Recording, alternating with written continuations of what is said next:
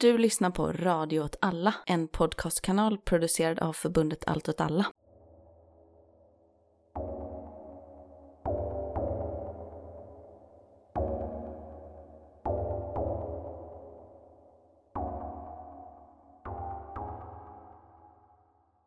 Hej, välkommen till Eldrörelse Och det är krig och perspektiv. med mig Martin. Och med mig Myran. Idag så hade vi ju planerat att eh, intervjua en eh, expert om Kina. Ja, och sen så hade vi en reservplan ifall det skulle skita sig. De bangade också. Båda fallen handlade om sjukdom och Mm. inte banga. Nej, precis. Vi ska inte sitta här och vara onödigt elaka mot eh, människor vi vill intervjua. Nej, det låter ju verkligen jättedumt. Istället så ska vi ha ett frågeavsnitt va? Och eh, det stod vi upp igår kväll någon gång. På grund av eh, livspusslet så är det ikväll vi får spela in. Jajamän. Och då tänker jag att eh, vi samlade framförallt in frågor via Twitter. Mm. Många bra frågor kom in. Jag tänker att vi kan börja med en fråga. Det är fråga, hur är det med dig? Fan, jag hade tänkt jag, jag hade faktiskt planerat flera minuter innan nu. Jag tänkte att jag skulle vara snabbast på den frågan. För att du är alltid den som frågar mig hur det är med mig. Mm. Och sen häcklar vi dig. Ja. För hur det är med dig. Så du kanske inte tycker det är jättejobbigt egentligen att jag inte hinner först, eller att jag aldrig frågar dig. Du gråter inte till sömns efter podden. Jag tänker aldrig på att du inte frågar mig hur det är med mig. Eftersom att alla som känner mig vet hur det är med mig. Hur är det med dig då? Jo, men eh, mitt eh, skägg är buskigt. Mm. Mitt hår är stripigt. Jag har inte duschat sedan i måndags. Jag har jobbat i skogen. Mina fingertoppar är sönderfrätta av myrsyra. Mm. Ja, det är de faktiskt. Det får vi ta en bild på och lägga upp. Du är extremt manlig just nu. Det känns som att du hade kunnat liksom komma hit, öppna dörren och komma in med liksom granris i håret och typ ett björnhuvud i andra. Ifall jag har någonting att bjuda på så är det inte att det är antagligen älgflugor någonstans i mina kläder. Alltså för varje kväll har jag upptäckt det de föregående kvällarna. Och jag har liksom inte rensat ut det nu än. Så det är mycket möjligt att Mm. jag... Det är fruktansvärt vidriga djur. Det är det. Det är också konstigt. Jag tror inte de kan liksom överleva på människoblod.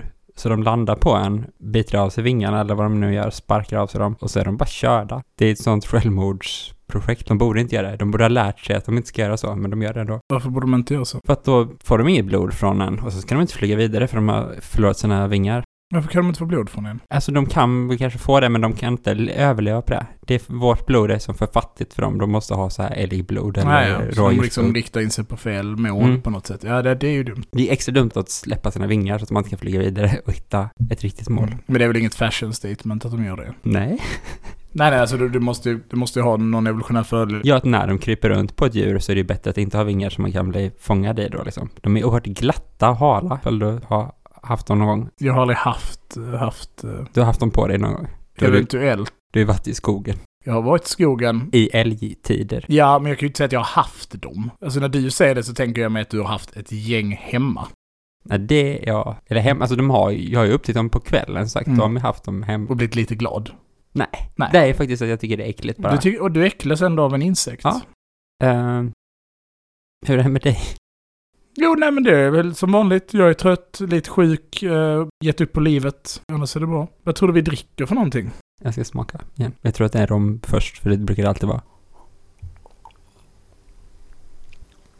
Är det tequila? Ja, bingo. Mm. Vad tyckte du? Den var god. Den var också ganska mild, behaglig Mm. på ett sätt. Mm. Så det var trevligt. Jag tyckte det är väldigt gott. Det är inte så starkt. Det är 36 procent eller Mm. någonting. Ja, nog om det. Det är väldigt ofördelaktigt att säga något om det så tidigt i en introprata när vi inte vet vad vi ska fylla resten av just det. Eftersom med. att vi, det var inte så länge sedan vi bad om frågorna. Så att det är också som att tiden att förbereda svaren på frågorna har också varit extremt kort och jag har fruktansvärd dag på jobbet. Så att jag har liksom inte heller riktigt förberett svar på frågorna. Så att det kan ju också bli vårt sämsta frågeavsnitt. Ja, Mm. då tycker jag att vi snart ska formulera det så här, så det här kanske blir lite ett mellanavsnitt. Lite av ett mellanavsnitt. Till skillnad från förra avsnittet som var en riktig banger. Vad var nu det? Det var väl kulturavsnittet? Ja, just det. Som, som också var Lite av ett mellanavsnitt, men jag, det har fått bra kritik sen, tror jag. mm, av folk. olika kultur, andra kulturkritiker som Mm. känner sig hotade.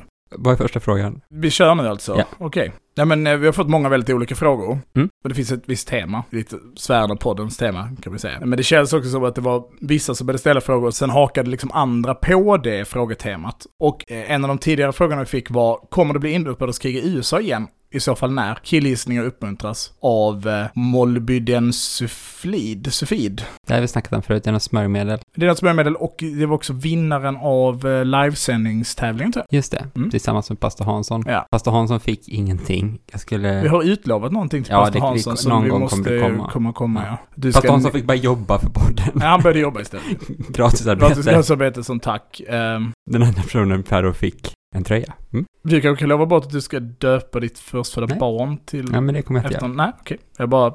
Jag tror inte jag kommer ha fler barn. Det vet man ju aldrig, men jag tror ju spontant inte att jag kommer få fler barn. Nej, Jag kan ju lova bort det, men det Just känns det. också ganska fattigt av den ditt anledningen. nästfödda barn då, inte ditt förstfödda barn. För det är ju kört då. Det är ju kört ja, om jag inte byter namn på mitt förstfödda barn. Vilket är ganska hardcore Ja. ändå. Ja, lite mer än vad det kanske är värt att ha gissat rätt i en... Får man göra det?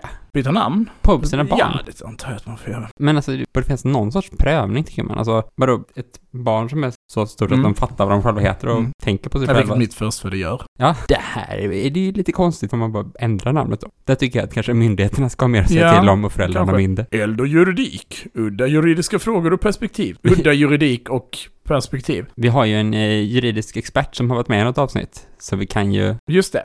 Föra frågan vidare kanske. Om någon kan svara på frågan, Mm. utan att vi googlar på den, eftersom att vi inte har googlat på några av de andra frågorna vi har fått heller. Nej. Men det känns lite som att vi dansar runt het gröt på att svara på frågan här då. Inbördeskrig i USA igen, i så fall när? Ja, men det är jättesvårt. Eh, Det är klart att det är löjligt att tro att länder från och med där man just själv befinner sig ska bestå för evigt liksom. Så jag tror ju att till slut så kommer USA förändras på något sätt. Förhoppningsvis i ett revolutionärt inbördeskrig då. Men det kan ju ta väldigt lång tid också. Mm.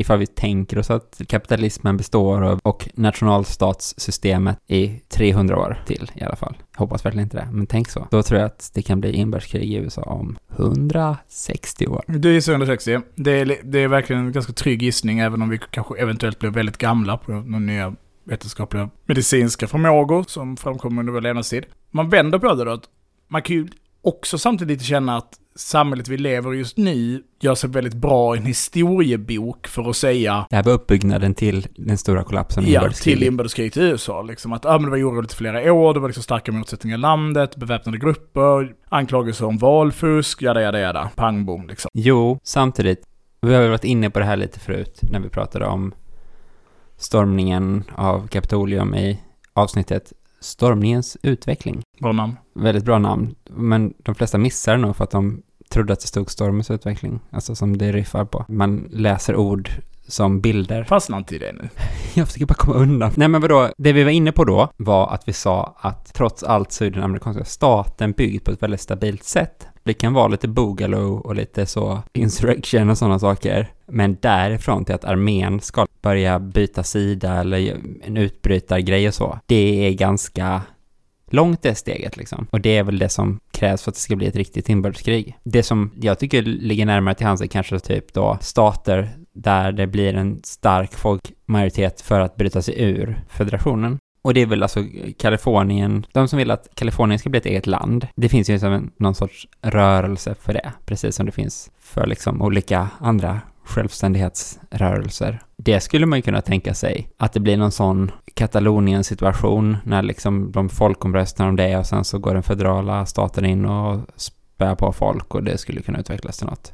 Men det känns ju också som att det måste vara 30 år av en sån rörelse innan det kan bli aktuellt. Det är klart, men det känns ju också ganska mycket som att du föreställer dig ett inbördeskrig likt det inbördeskriget som USA hade tidigare. Och inte mer av ett tillstånd av militär väpnad konflikt, alltså det vi kallar krig, inom landet parallellt med en existerande stat. Där tänker jag mig att det är, då måste staten bli mycket svagare liksom. Den repressiva apparaten för att det ska liksom bli något på riktigt så att det inte bara ska bli souvenir citizen-grejer Mm. liksom. Att det är några enstaka joppar som åker runt någonstans och skjuter lite mot polisen och sen så blir de fångade och tagna. Det är inte ett krig liksom. Vad nu ett krig är. Nej, så jag håller väl inte heller som så troligt, men till exempel en väldigt kraftig ekonomisk kris i USA, eller något liknande så skakar liksom om grundvalarna på något sätt i USA där. Låt säga en eh, Trump vinner nästa val, kongressen och senaten försöker avsätta honom, lyckas, han vägrar lämna. Alltså liksom, det är klart, om det ska uppstå en situation där staten inte fullständigt är liksom söndereroderad, så kräver det ju en situation där staten är baklåst på något sätt och den här väpnade militärkonflikten utvecklas parallellt med den existerande staten. Eller splitta sig i två då. Som det var det som jag är inne på med Kalifornien Jo, jo, självständighetsgrej. Men man kan också tänka sig att den federala staten inte kan agera av någon anledning. Vilket gör att polislöner brukar sluta betalas ut, massarbetslöshet och i det tänka sig situation där inre väpnad konflikt uppstår i landet. De har ju alla andra förutsättningar för det. Mycket vapen. Ja, Mycket vapen, väldigt låg tilltro till staten, ett eh, öppet korrupt land, religion, hög grad av troende. Ja, det kanske är bara att man är blind då för, för det som är möjligt bara en liten bit bort. För att det känns omöjligt just nu. Men jag tycker det där känns osannolikt måste jag säga. Okej, men om jag bara ska kasta ut det, jag säger tio år då. Det tror jag verkligen inte på. Nej, det tror du inte på, nej. Nej, nej, nej, du, du, du tog ett safe bet, du död. När ditt, eh, din gissning... superbra. eh, Och också den frågeställaren är också död, så ingen kan fact-checka. Men tänk att den här frågan, när podden kommer vara ihåg, kommer om tio år då. Då kommer någon bara så, just det. I eldrörelse så sa Martin att Precis. det är väldigt safe för dig, för ifall det blir så, så blir det ju någon jävla orakelsituation. Men ifall det inte blir så, så kommer ingen komma ihåg det här. Ingen kommer fact-checka dig heller, fast du har chans att hoppa in. Du har gjort ett lurigare uttalande än vad jag har gjort. Du gamear i systemet mer än vad jag gör. Ja, okej. Mm, mm. Nästa fråga. Vi kommer ju komma tillbaka till det här inbördeskriget i USA kan jag säga. Okej. Jag har ju inte läst svaren Nej, på nej, jag Twitterfrågan, så jag vet inte vilka frågor som kommer ens. Och, och det, vi kan ju ta något som är lite närliggande där. Vi har förut på nästa krig. Mm. Eh, Då ska vi se. Inbördeskrig också, eller krig mellan stater, Jag tänker att efterfrågan är konventionell väpnad konflikt, alltså ett krig. som kan vara ett inbördeskrig. Nej, det skulle jag säga att det är mellanstatligt. Ett konventionellt krig, ett mellanstatligt krig. Det är jättesvårt. Jag, vet, jag, jag, skulle, jag vill ju säga något kanske med Libanon eller någonting, att det skulle braka loss med Hizbollah då på riktigt. Mm. Svårt med ett eh, konventionellt krig när Hizbollah är en av aktörerna. Mm. Jag tror ändå man har tänkt på det som ett krig någonstans, att nu är Mm. det krig liksom. Ja. Men du kan väl välja att tolka frågan hur du vill. Jag har för dålig koll på alla andra saker jag skulle vilja gissa på liksom. Eh, Den här vattenkonflikten i Sudan och det där, men ah, nej, jag kan inte. Nej, alltså jag kan väl dra massa safe bets här då. Nytt krig, alltså Azerbajdzjan Armenien. Skulle jag hålla ganska högt. Att eh, den konflikten känns ju inte helt nådd sitt slut på något sätt. Utan den Nej, kommer så blossa den- upp igen. Det är nästan fusk att det, att det inte är ett nytt krig nästan ens. Ja. Jag tänker ett krig som involverar Etiopien. Mm. Nu har ju Etiopien ett inre krig. Mm. Det är samma sak där. Mm. Om man bara ska dra igenom alla safe bets liksom. Men om man mer skulle tänka så här, krig som man inte idag har lite svårt att förutse skulle, skulle komma. Det är Kina, Taiwan är ju liksom någon gång man tänker bara så här. Men det känns också som att det är längre fram. Mm, det känns som att det är längre fram. Och så här, jag tror inte det kommer hända på det sättet. Nej. Startskottet kommer inte vara Taiwan liksom. För det är där alla tittar. Startskottet kommer vara någon annanstans. då skulle jag då tänka att det kommer ske i Sydamerika på något sätt. Jaha. En eh, mer het konflikt mellan Colombia och Venezuela till exempel. Mest för att det är så, där tittar ingen. Så det, det är också smidigt på det sättet att säga det. För att det är ingen annan som missar det. Men det skulle också dra in supermakterna på ett sätt. Alltså både USA, Kina och Ryssland har liksom claims i den konflikten. Så den kan ju lätt eh, råka eskalera lite grann. Arktis har vi diskuterat tidigare. Och att det kommer bli någon typ av eventuell väpnad konflikt kopplat till det. Men om jag ska kasta ut en riktigt, en riktig högoddsare. Mhm. Eh, inspirerad av, av en chatt jag är med i, så skulle jag säga Elon Musk, Jeff Bezos, rymdkrig. Nice. Ja. Alltså det känns som att liksom space ain't big enough for both of them. Förstår du vad jag menar? Mm. Att det är så här, Det, ser fram, det hoppas jag på. Men alltså också vad då Turkiet, Syrien då? Det smäller mellan turkiska reguljära och syriska reguljära styrkor. Nej. nej, vi kan prata lite om det nu vi ändå måste bara slå ihjäl kopiösa mängder tid utan förberedda svar på frågor. Då skulle jag ju säga så, det som har hänt idag då, det är ju att USA, eller idag har inte det här skett, det har utspelat sig den senaste dagen, är att USA har sagt så här, det blir inget F35 för Turkiet. Jaha. Det enda vi har kvar att lösa i den här frågan är typ hur vi ska betala tillbaka pengarna till Turkiet som de har investerat i programmet. Det blir inga F35. Väldigt så, det är inte en fråga vi diskuterar längre. Det kommer inte hända liksom. Och då har ju Turkiet sagt så här, okej men då har ju vi inget val. Då får vi ju köpa Sukhoi istället. Så då köper vi Sukhoi 35 eller Sukhoi 57 om jag ska dra namnen på de flygplanen och huvudet. Eh, alltså ryska 50 generations eh, jaktflyg istället. Och då sa USA, ja. Nej, de- USA har väl inte svarat på det utan bara, ja, ja, Det var vad man räknade med, antar jag. Ja, ja, visst. De har väl försökt få till någon F16-deal istället. Så här, men vi, ni kan få uppgradera F16 till det senaste, bla bla bla. Och vi ska stöd, subventionerade lån på något sätt för att få göra det. Jag tror väl förvisso redan att Turkiet har typ Block F, eller vad fan det heter, deras den senaste uppgraderingen av F16. Men de kan man ju fortsätta utveckla. F16 är ett bra flygplan, kan ju fortsätta bygga på dem. Om det är då så att Turkiet liksom verkligen pivottar mot Ryssland ännu mer och börjar köpa dyrt krigsmateriel, då är det ju också så att Turkiet är en bättre allierad för Ryssland på alla sätt och vis än Syrien. Så då bara får de ta vad de vill ha. Alltså inte kanske att de liksom får invadera Syrien, men de kanske inte heller kommer att behöva invadera Syrien. Utan Ryssland förhandlar liksom, ah, ja men Assad, nu får du liksom skärpa dig. Vi ger de här områdena till Turkiet, vi måste trappa ner, vi måste bli kompisar nu. Och i motprestation så får väl Turkiet då rensa ut HTS till exempel.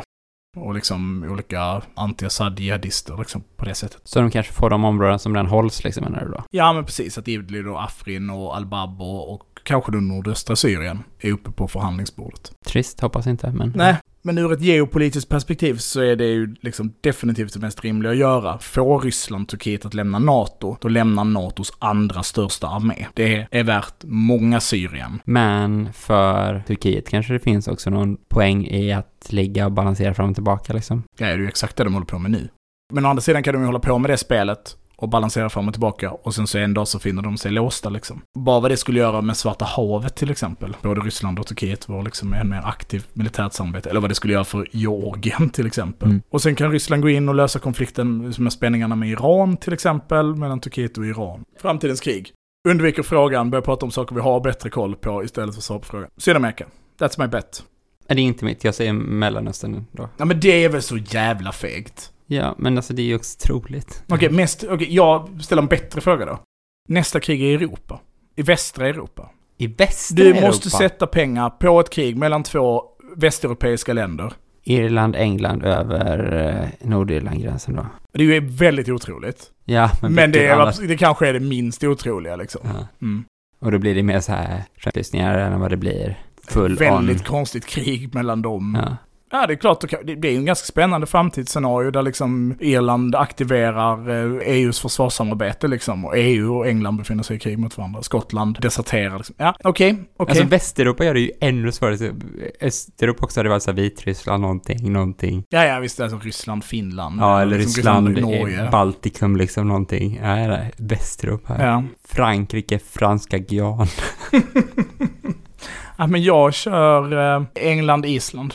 Över fisk. Mm. Fiskekrig. Har det varit det förut? Det har varit det förut. Som torskkrig är det väl någonting de håller på med. Men alltså att man då sköt lite på fiskebåt typ. Ja, ja, ja. Som har skett lite så. Typ varningseld. Ja. Fast som träffade. Nej, men jag tror det, jag tror det är mest i Det här, vi får återkomma till torskkriget. Om det är torskkriget. Ja, precis. Honna Paolo och Roberto kan vi göra. mina. Ja, precis. Paolo Roberto special. Balla vapenprojekt som aldrig har skett. Som aldrig blivit färdiga liksom. Okej, du vill inte jag ska ta det absolut säkraste som ju är railgun. Ja, det är det enda jag har skrivit på min lista. Men det är också det fega svaret. det är här. väl det fega svaret, men vad skulle det annars vara liksom? Det är ju de då mutantpatronerna, vad fan heter det? Gyrojet. Ja, Gyrojet gyrojet- Gyrojet är också ball, ja. gyrojetgevär. Som alltså är då, istället för att man avfyrar skott i ett gevär med en krutladdning som skjuter iväg en kula, så är varje skott en liten, liten raket Mm. som bränner iväg med sitt eget bränsle i. Railguns då, jag som ju är gruppens fysiker, etablerat den tidigare, eftersom att jag inte förstår hur elektricitet fungerar, så är ju railguns helt enkelt magnetaccelerering av, av projektiler. Ja. Ballt projekt, det lades ju ner nu ganska nyligen. För nu är ju allt hypersoniska robotar. Och vad det, det funkade väl fast Ja. det bara tar jättemycket energi, typ. Och det är svårt att de inte ska spränga sig själva, typ. Ja, precis. Det är liksom lite för långt kvar för att det ska på riktigt vara möjligt att sätta ut i fält och det är jävligt dyrt att hålla på med. Åh, den stora fördelen. Ja, men precis. Det finns många fördelar. Bland annat så är det ju att du inte behöver... Ammunitionen blir inte så tung. Själva ammunitionen blir inte så dyr. Det är ju ett relativt ljudlöst vapen. Mm. Och kraften den kommer med är ju enorm. Men är det liksom artilleri man tänker sig, eller är det liksom med att det ska ersätta någon sorts... Det direktverkande vapen, tänker du liksom. Ja, och Ja, det är det ju. alltså skepp- kanoner. Ja, Alltså, ja, det kommer. Mm. Det är väl det jag- som har varit i praktik. Men väl då målet för så mycket utveckling är väl att det börjar som det är och sen så ska det till slut nå en situation där man kanske kan göra handeldvapen med det. Eller kanske flygplansvapen med det. Där är det lite svårt att se hur energiförsörjningen skulle se ut. Det gäller väl förvisso handeldvapen också. Ja, men okej då. De här foam weapon, non-lethal Mm. foam-grejen. Jag var inne lite och funderade på non-lethal weapons också. Alltså typ de här murarna. Mikrovågsmurarna. Ja, just det. Mm. Så crowd control grej, att man liksom gör att det känns fruktansvärt obehagligt och varmt. Och så, och så gör man en vägg, säger du, att man ställer de här bilarna med sådana mikrovågsugnar som man har öppnat luckan på, Mm. på något ställe, och så skjuter de ut en vägg och så kan man inte gå förbi den för Ja. det är jättejobbigt. Mm. Ja, okej. Det är ball. Och foamvapnet då var väl att man bara sprutar någon sån här kemisk blandning som blir ett skum som exploderar väldigt mycket Mm. och snabbt. Och då så fångas folk i det, klibbar ihop liksom. Man har väl testat det på ett superoetiskt sätt, typ så här.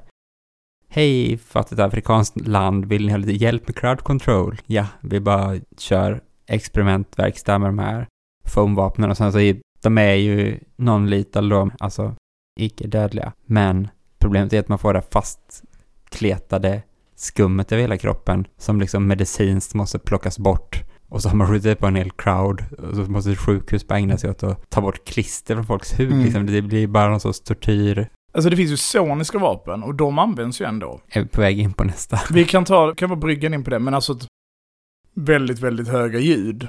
Visst, Som också som är ett sånt crowd control-vapen. Det används ju i USA till exempel. inbrottslarm kan ju vara. Jo, att det är liksom plågsamt högt. Ja. Men här är det väl så att folk faktiskt typ får skador. hörselskador Okej, och okej. eh, får skador på deras hjärna. Hur används det?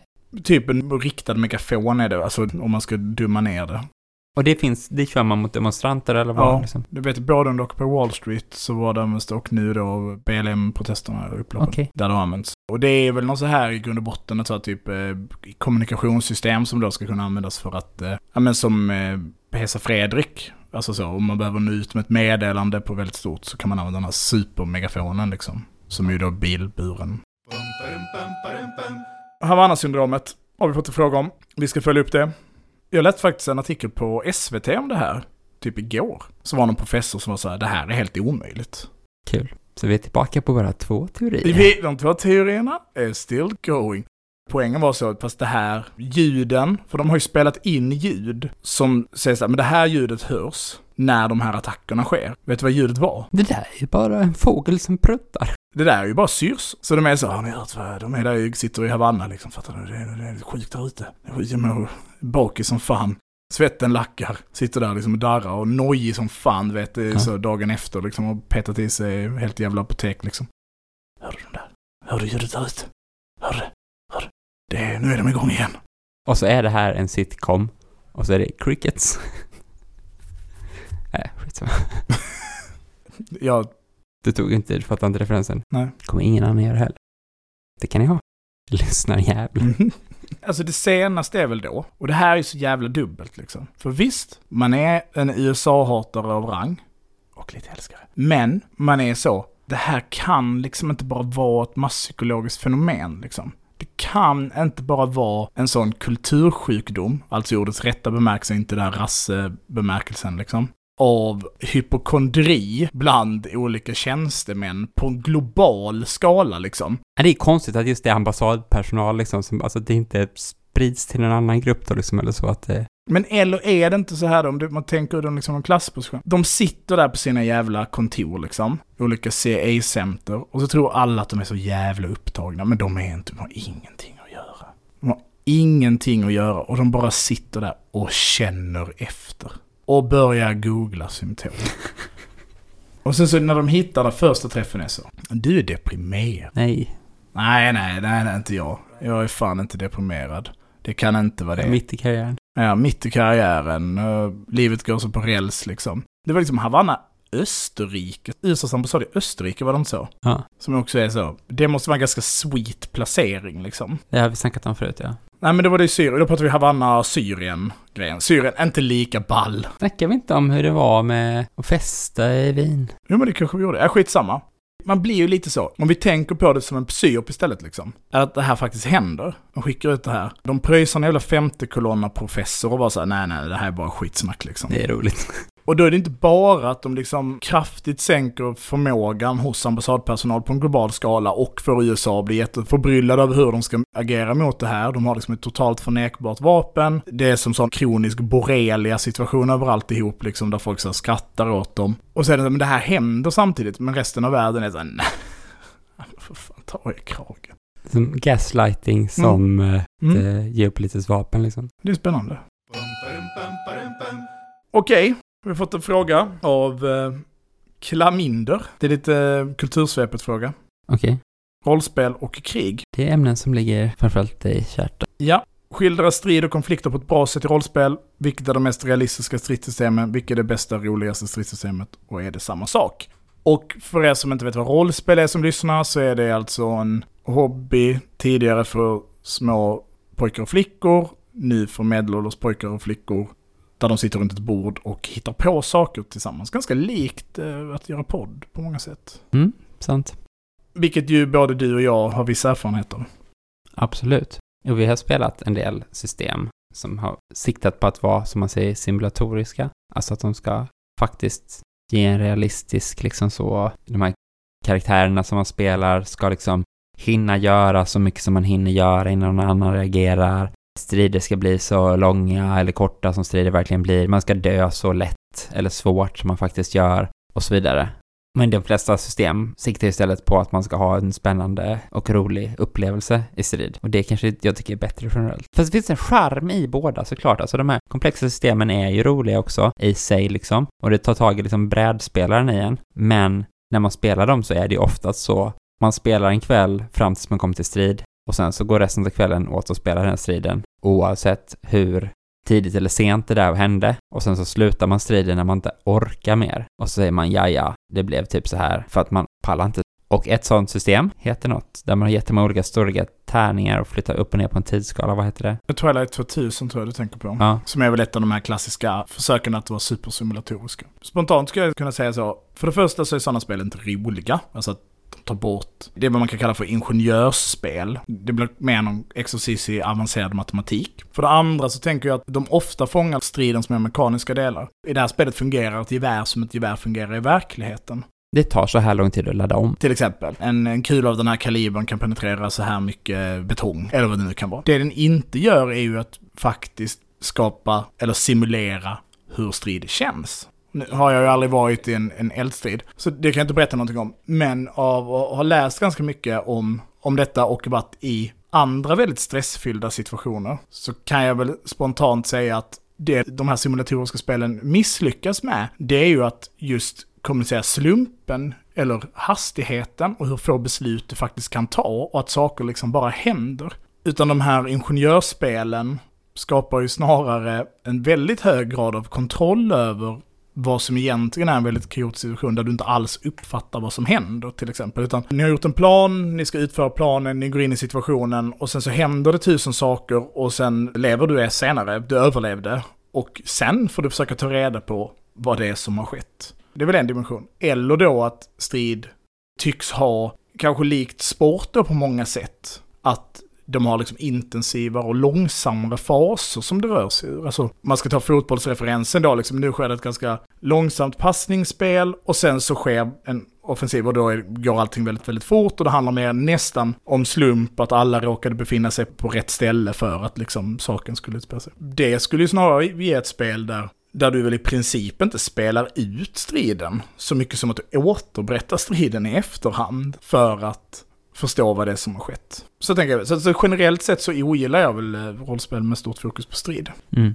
Och jag kan inte riktigt se charmen i det. Jag tycker att rollspel är en ganska dålig kulturform eh, för att hantera strid. En betydligt bättre kulturform för att porträttera krig. Vad menar du med det?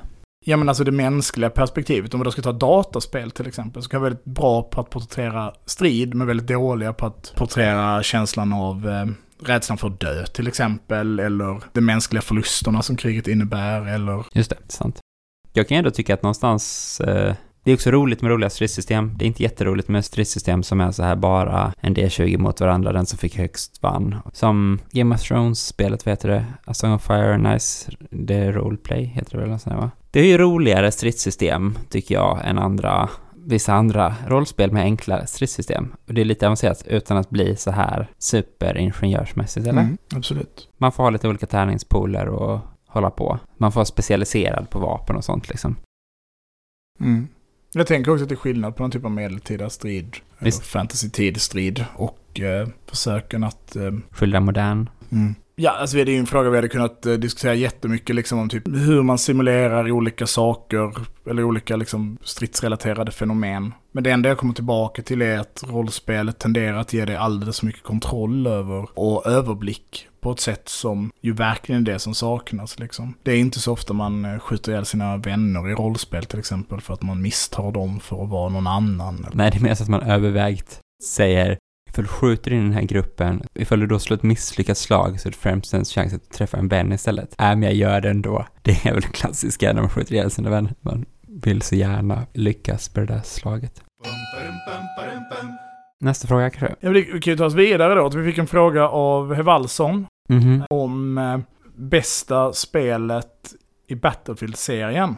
Och förväntningar inför Battlefield 2042. Och det här är ju väldigt roligt då. Jag spelar liksom inte den här typen av dataspel. Jag har spelat ganska mycket, alltså, och Battlefield då är ju ett av Sveriges största kulturproduktioner. Sett till spridning och liksom inverkan på en kultursfär så är Battlefield 1942 som jag tror är det första spelet som slår så stort. Om jag då bara ska basera det på vilket Battlefield-spel jag har spelat mest så är det Battlefield Vietnam som är alltså typ uppföljaren till Battlefield 1942.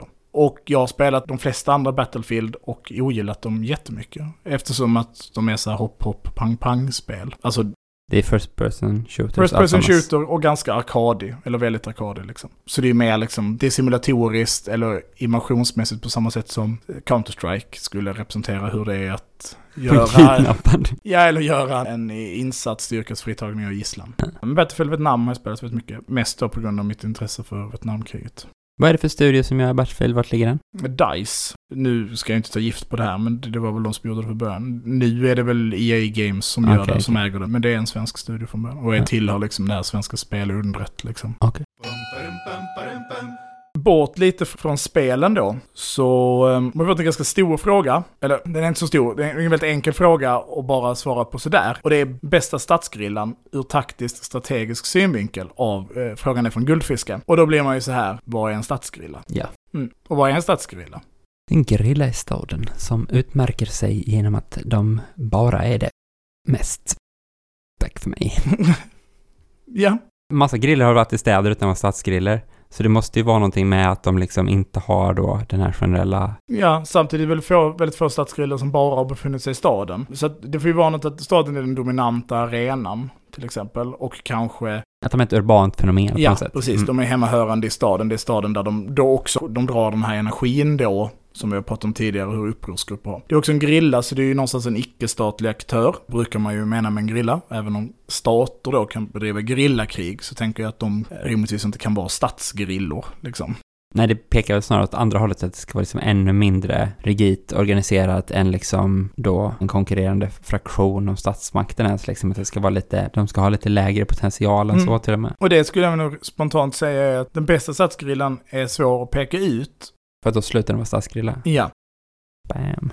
Och kanske i efterhand inte blir, blir sedd riktigt som det. Men om vi ska försöka bena i det, vilket jag då har gjort sen jag fick frågan igår, snart 24 timmar sedan, så tänker jag att när man pratar om grillor, grillor, för gorillor är väldigt icke-urbana fenomen. Det får man säga. Ja, Och vi ska prata om gorillakrig någon gång, men det... ja, det blir inte nu. Om vi pratar om grillor generellt, så tänker jag att det finns en idé om att de huvudsakligen har bedrivit sin krigsföring i rural och ofta i princip obebodd terräng. Berg, djungel, öken och så vidare. Otillgänglig terräng liksom. Och det är ju sant till viss del. Men om man tittar på de grillor som har varit väldigt livskraftiga så skulle jag säga att alla de har haft en väldigt stark urban koppling. Om du tänker historiens skickligaste grillor, förutom då spanjor under Napoleonkrigen.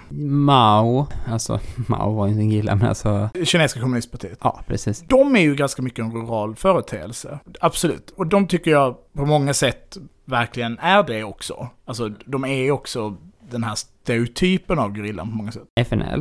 Men om du tittar på FNL däremot, som ju kanske är det många skulle tänka på, liksom svart pyjamas, rishatt i gänget liksom. Så har ju de parallellt med hela den väpnade konflikten, har de ju en jättestark bas i städerna och begår liksom löpande terrorattentat inne i Saigon till exempel och Danang och andra orter och har ju en jättestark närvaro där. Deras namne, nästan, FLN, alltså den algeriska motståndsrörelsen, har ju definitivt sitt liksom upprorsprojekt eller väpnade uppror kopplat till Alger. Och andra, ERA då, eller PIRA som vi då ofta tänker, alltså provisoriska ERA, är ju jättekopplat till den urbana miljön. Och bedriver ju som en livskraftig väpnad konflikt i Belfast och med omkringliggande städer. Men också då tydligt kopplat till landsbygden. Sen så har vi alla de här italienska, Ja, men de är ju, ja, och liksom. de är ju inte de bästa. Jag, jag menar, ingen av dem är med på topp 10-listan.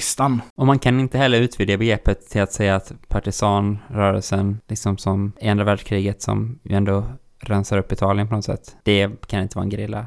Nej, eller ja, alltså då... Då är det inte en Och- i alla fall. Okej, men om vi ponerar att de får vara en stadsgrilla, då måste alla de här andra rörelserna också vara det, och då Mm. bräcker de partisanerna i Italien. Mm. Bolsjevikerna till exempel, som man ju inte föreställer sig kanske i första hand är en stadsgerilla, har ju också en jättestark urban koppling. Mm. Och drar ju sin kraft då ur städerna till exempel. Och så, även om det förändras under tiden. Nationens spjut, alltså ANC och till viss del kommunistpartiet i Sydafrikas väpnade gren, är ju också väldigt urbana och bedriver också sin politiska väpnade kamp i städerna. Och sen har vi då Tupamaros till exempel. Och Mir och... Ja. Och mer, ja. Och Tupamaros framförallt, som kanske är den skickligaste stadsgrillan på det sättet. Alltså för alla de som är med här någonstans är ju också med här för att de vinner. Mm. Vilket ju rimligtvis ur alla militärteoretiska perspektiv måste sägas vara ett tecken på om man är bra eller inte. Alltså som är med i din lista här. Ja, Så inte de här som vi har räknat upp, de italienska Nej, eller utan de Pira jag och så, utan- Alltså ja. FNL, FLN, Pira, Nationens spjut och Tupamaros. vinner Pira. De vinner ju på det här liksom... Har vi snackat om ja? Och vi har ju gjort ett avsnitt som handlar om det här. Nej men alltså de vinner ju inte på sättet att Nordirland blir en del av republiken. Men de vinner ju på det där sättet att de inte blir internerade och mördade allihopa utan får representation i regeringen. Och det kan man ju vara så, jag är revolutionär, det här var fel, det var ett svek. Men man kan ju också säga en konkret politisk framgång. Alltså som i, vi var inte svagare efter konflikten. Och det är ju någon typ av vinst. Alltså för Ja, precis. Det, vi kommer väl fram till precis det här i Eller jag tycker att det blir liksom, ett, det blir ett lite för pojkrumsmässig definition för mitt sätt att säga att så kan man ju vara ett svek ändå för att de uppsatta målen som rörelsen hade inte vanns. Men ur ett strikt militärt perspektiv och framför allt ur ett perspektiv på att vara en instruktionsgrupp. Då måste ju att vara, vi fick halva parlamentet Mm. ses som en framgång. Och där blir ju alla de här, Islamiska staten till exempel, är de en statsgerilla? Attentaten i Paris, attentaten i Spanien, alltså det är ju urbana fenomen. Ur det europeiska perspektivet är de i allra högsta grad det.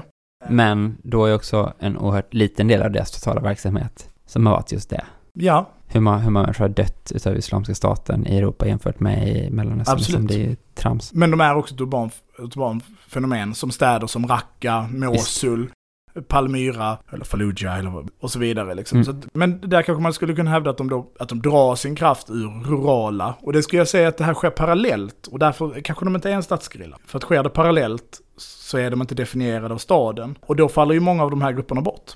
Skulle du komma fram till varför Tupamaros var bäst? Alltså, även om de också i stor del, och jag är verkligen ingen expert på de här, jag vet, jag har vänner som är väldigt duktiga på det här. Som jag läser dem så drar de ju sin början sin energi och kraft som rörelse ur liksom den rurala befolkningen, så bondebefolkningen. Men att de sedan övergår till att vara ett urbant fenomen i stor eh, utsträckning. Och att de där då gör stora framgångar och att de senare också då faktiskt eh, får stort politiskt inflytande i Uruguay. Mm. Jag har för mig, där får du klippa bort, men jag har för mig att typ Amaros allians vinner valet i Uruguay. Eller har styrt Uruguay under stor. Ja, det ringer någon klocka.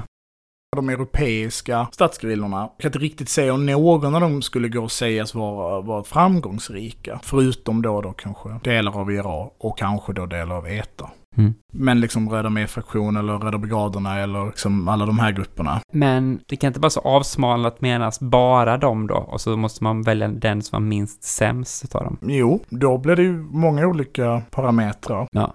Det man däremot kan säga är att mycket av de förutsättningarna kan man ju sagt göra ett helt avsnitt om. Jag ska säga att vi också har gjort ett avsnitt som ganska mycket berör stadsgrillan och gerillan då. Jag tror avsnittet heter Med gevär som flygblad. Som behandlar fokismen då, eller liksom den gerillatanken. Men det är väl att många av de nackdelar som staden har inneburit som terräng eller slagfält, om man ska säga det från liksom väpnad kamp, håller ju också lite på att försvinna och med megastädernas framväxt. Så stadsgrillans tid kanske inte har kommit än som politiskt fenomen, utan snarare ligger i, i framtiden, i ganska snar framtid. Hizbollah. Vi kommer till den frågan. Och då har vi en fråga, på tal om Hizbollah. Vilken myra är bäst i strid? Både myra mot myra och myra mot människa. Och sen fortsätter frågan, vilken icke-statlig militant grupp har varit effektivast i modern tid? Eller bara intressantast? Det fortsätter inte frågan, det är två olika frågor. Förlåt, det är två olika frågor. Du kan börja med den första. K- Kan du läsa frågan igen? Vilken myra är bäst i strid? Både myra mot myra och myra mot människa.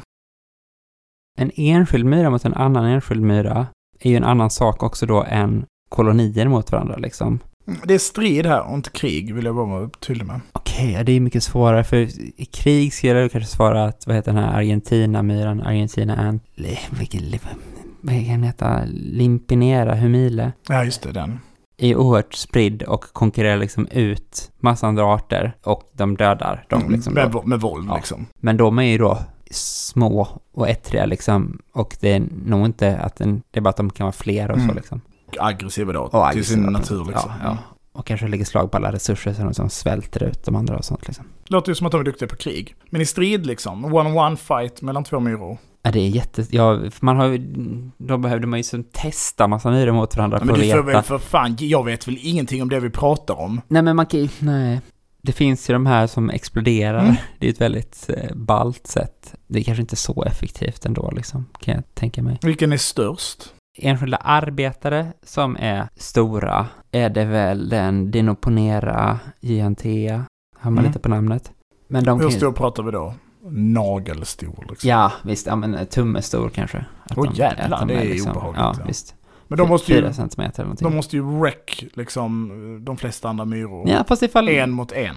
Du måste ju som hitta ett sätt där du kan bita den andra, du måste kunna, eh, som du, du kan sticka liksom så, ifall en Moseramyran liksom kanske glattare och har hårdare pansar så, så kanske de aldrig kommer Nej. åt liksom. Så den enda frågan som riktigt var pitchad mot dig måste vi liksom återkomma till och svara på i nästa. Du får ju ta den ordentlig funderare. Ja, Jag får verkligen ta mig en ordentlig fundera på det här, det var jättesvårt. Och ja, men det finns ju de här som är helt specialiserade på strid på olika sätt. Eller kanske inte strid, men Army Ants till exempel, Mm. som liksom verkligen äger allt som kommer deras väg. Eh, och de då är blinda och de bara följer efter liksom de andra som går i stora kolonner på liksom lukt och känsel så. Och de har inte ens ett fast bo utan liksom de bygger sådana här bivacker av sina kroppar. De håller fast i varandra så det blir som en boll av myror. Och in i den bollen så finns det drottningen och alla ägg och alla larver och sådana saker. Och sen så flyttar de runt i djungeln då som det är, eller regnskogen. Och liksom varje dag så går de här kolonnerna ut och så bildar de liksom en lång led och sen så bildar de en bred front så den splittras liksom upp så det blir som kanske en trädkrona på något sätt och vad ska man säga, kanten på kronan så bara går de framåt och liksom plockar allt som rör sig i princip. Så en sån koloni, på koloninivå så kanske de skulle ta det mesta. Fast också myror som är väldigt små då kommer ju säkert undan dem. Ja, nej jag kommer inte fram till någon fråga. mot en här. människa då? Mot en människa så måste det ju vara det som man kallar bullet ant. Vad fan heter de? Det vetenskapliga namnet måste jag ju kunna säga. Det är pinsamt annars. Googla det åt mig. Paraponera Ja, clavata. clavata. Paraponera clavata. De har ett oerhört smärtsamt sting då. Mm. Och de är väl nästan allmänt kända för det liksom. Och det är ju något sånt här liksom mandomsprov för så här stammar i Amazonas att man ska bygga en handske av typ löv eller någonting. Och på insidan den ska man liksom sy in myror med gaddar inåt, och så ska man stoppa in handen i den handsken och blir hela armen så här uppsvälld och uppfuckad i flera dagar. Och det är extremt ont jättelänge. Och då så är man vuxen så här när man har gått igenom det där. Lite som att klara sig av svensk gymnasie. Ja, precis. Det skulle jag säga, mot, människor är det antagligen de bästa då. Mm. Ska jag svara på den andra frågan kanske? Mm. Innan vi får ta avrunda. Och jag antar att frågeställaren, Pissekuk, är ute efter vilken väpnad grupp är mest intressant och effektivast. Liksom. Vi har också fått en annan fråga av Hevalls om vilka vi tycker har snyggast estetik. Så jag tänker att jag kan eh, klumpa ihop de här då. Eh, Inte grupperna i sig utan reda ut eh, mina tankar. Har du något spontant svar på den här frågan? Jag slutade lyssna när du sa att du skulle ta dem. vilken, vilken väpnad grupp är snyggast och vilken väpnad grupp är Mest intressant. mest intressant? Nej, men kan inte du börja så kan jag se för jag kan få lite Mm. tankevecka. Om vi börjar med den intressanta biten. Så skulle man väl säga att det finns två väpnade grupper som spelar liksom en väldigt stor roll i geopolitik idag. Eh, och sen så finns det väl några uppstickare som jag tänker att man har anledning att titta mer på. Om man ska ta uppstickarna så tänker jag att bland annat det som händer i före detta Burma, alltså Myanmar, så pågår det ett ganska lågintensivt inbördeskrig där nu mot juntan. Och det är, spännande. Vi har anledning att titta närmare på sen. Men det är ju egentligen två grupper som vi har pratat om mycket i podden under tiden hållit på. Och det är ju å ena sidan då SDF, alltså Syrian Democratic Forces, och den andra är ju då Hezbollah. Och även om jag tycker att Hezbollah är väldigt fascinerande på många sätt så är jag inte, kanske inte lika stor apologet till dem som andra. Jag tänker att en viktig sak att förstå om Hezbollah, utan att göra ett helt avsnitt, handlar ju om att man behöver förstå Libanon på många sätt. Och vilket eh, speciellt land det är, med en väldigt unik historia. Och Hezbollah, som ju ofta blir företrädare för att vara liksom shiiter i Libanon, och så enkelt är det inte, utan det finns ju många olika politiska shiitiska rörelser, så är det väl som gör Hezbollah intressant. Det är väl att Hezbollah har lyckats på ett väldigt skickligt sätt kombinera tre tendenser som är väldigt ovanliga att lyckas med. Och det är ju då att å ena sidan vara Får jag? En social rörelse? Ja, jag kanske skulle slutat där, men, men absolut, de har lyckats vara en social rörelse. En ganska bred sån på många sätt. Samtidigt kombinerat det med att vara en ganska konservativ rörelse och eh, liksom religiöst sekteristiskt inriktad rörelse. Och den tredje faktorn är ju då att de har lyckats vara en väldigt skicklig militär aktör. Det skulle också kunna gissa på. Det skulle också kunna till. Och det här skapar liksom en ganska, det är mycket med Hezbollah som är komplicerat. Alltså, de är ju också födda i kölvattnet av liksom de här, eh, det, det libanesiska inbördeskriget helt enkelt och liksom den sekteristiska konflikterna i Libanon. Och företrätt en grupp som har varit väldigt, väldigt svag i Libanon, även om de utgjort en ganska stor del av dess befolkning. Och lite då att samtidigt som resten av världen rörde sig mot ett mer sekteristiskt håll, i fråga om liksom olika religiösa inriktningar, så lyckades Hizbollah liksom dra åt andra hållet. Och liksom trots sin då väldigt tydliga religiösa hållning så har de liksom en, jag skulle inte säga liberalt förhållningssätt till jämställdhet till exempel, men inte alls liksom den hypertraditionalistiska rollerna som man kanske föreställer sig att den här typen av grupper har.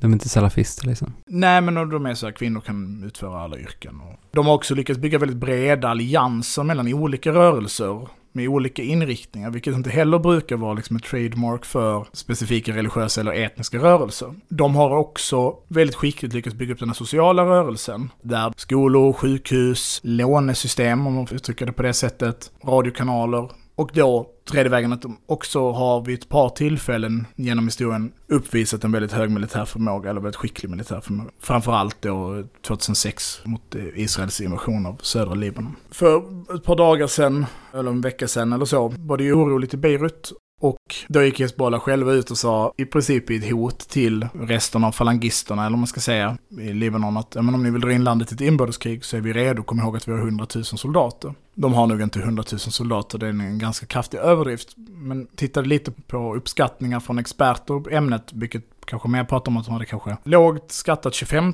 000 soldater, och då räknar man liksom inte med Reservister. Nej, inte med reservister eller liksom annan stödpersonal och aktivister. Medan andra uppskattningar låg runt 50 000.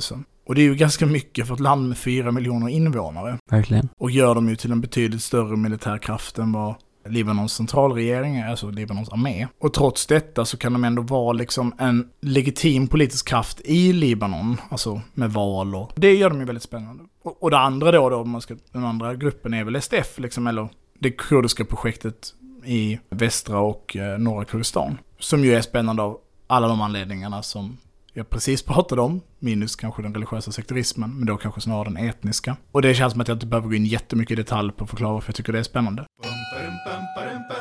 Vad gäller estetik då, så skulle jag säga att ingen av de här grupperna egentligen är så heta. Nej, de här filippinska maoisterna som bara rockar Adidas och sånt va?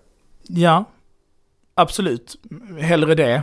Eh, eller så tjetjenska Dagestan-rebeller innan Det- de blev... ja. eh, Där kanske vi ändå har någon sorts stilideal. Alltså, Hezbollah och liksom överhuvudtaget de grupperna i Mellanöstern och Nordafrika går ganska mycket bort för att jag är inte så förtjust i pannband. Nej. Rent stilmässigt. Jag tycker det ser, lite, det ser nästan lite löjligt ut. Och då är det ju väldigt många grupper som försvinner. Um, PKKs gröna jumpsuits Nej, det funkar inte för mig. YPG och YPJ har ju fördelen med de här färgglada halsdukarna. Skavsarna, det tycker jag är lite fräckt. Det är lite färg, det kan jag uppskatta. Men annars skulle jag då säga kanske då, det är väldigt vitt då liksom, men kanske så Tjetjenien innan de också bara blev skägg liksom. Mm. Och eh, IRA. Eh, det, är en- det är en parkas liksom. En parkas, det är blå jeans kanske, Mm. balaklava på det. hör dig. Du, du hör mig? Ja. Ja, det är ju vad jag kom hit. ja precis. inte, inte balaklavorna, men, Nej. men kängor. Ja. Mm. Rent fysisk estetik, jag har dålig koll på det också, men jag kan ju bara säga att namn är ju också estetiska, eller hur? Och Boko Haram. Ja, det är en gammal... Jävla bra klang alltså. Jag tycker det. Jag, jag kan verkligen... Du kan verkligen gå och tänka dig och skrika Ja, visst. något om Boko Haram. Flytta på dig! Boko Haram här! Ja, det Ja. gillar du. Det är Jag i det liksom. Ja, att man skulle kunna gå förbi en krokö på det sättet liksom. Mm.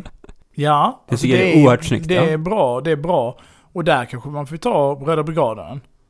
Röda Brigaderna. Det var också ett väldigt bra namn. Ja, det är sant. Att det inte var så MPKLPTV. Mm. Och så är det så.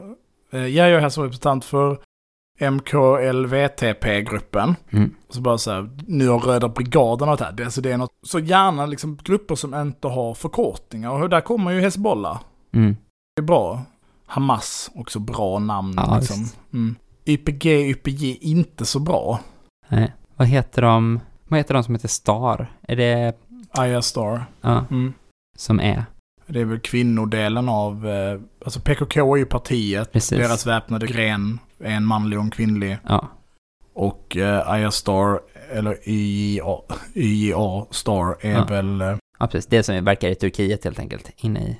i Kurdistan. Ja, i Bakur. Mm. Det tycker jag är snyggt med Star där alltså, måste jag säga ändå. Mm. Mm. Ja, det, det är Du en bra tycker. Star, Star kommer Jag- in där bra liksom. Jag tycker det funkar ändå, så man, det är lite lökigt på något sätt, men det, jag tycker det verkligen det funkar. Bög är ju en annan favorit Mm. såklart. Bög är bra. Bög är väldigt bra. Och där är väl Viet Minh är väl väldigt bra. Är det inte samtida vi snackar nu? Den här frågan var nog bara, och det var estetik egentligen. Ja, precis. För men att gå det hänger- tillbaka till det då. De här italienska stadsgrillarna då. Absolut. Då börjar vi komma in på snyggt igen liksom. Vi, absolut ja. Mm.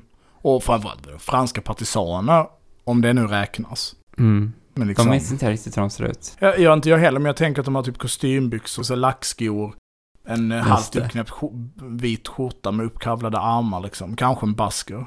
Etas kombination Ku Klux Klan-luva och basker. Den är liksom, det är peculiar taste liksom, men det finns ändå någonting där. Ja, Svarta Pantrarna såklart. Absolut, absolut.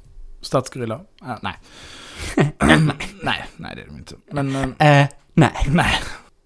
Weather Underground? En stadsgrilla. Mm.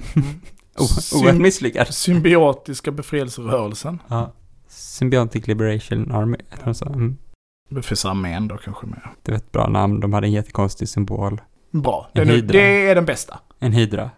Fan, nu, nu kommer vi på. Det är den Det är bästa. estetik. Ja, men de lyckades vi kanske inte sådär jättemycket med vad de ville uppnå, men hela Patty Hearst-grejen. eh, Det är någon kändis som blev med. Blir Du känner inte till det här? Jag kommer inte ihåg Ja, det. men det är en kändis, en eh, kändisdotter då som det. blir kidnappad och som går med. Liksom. Och Stockholmssyndrom går med liksom.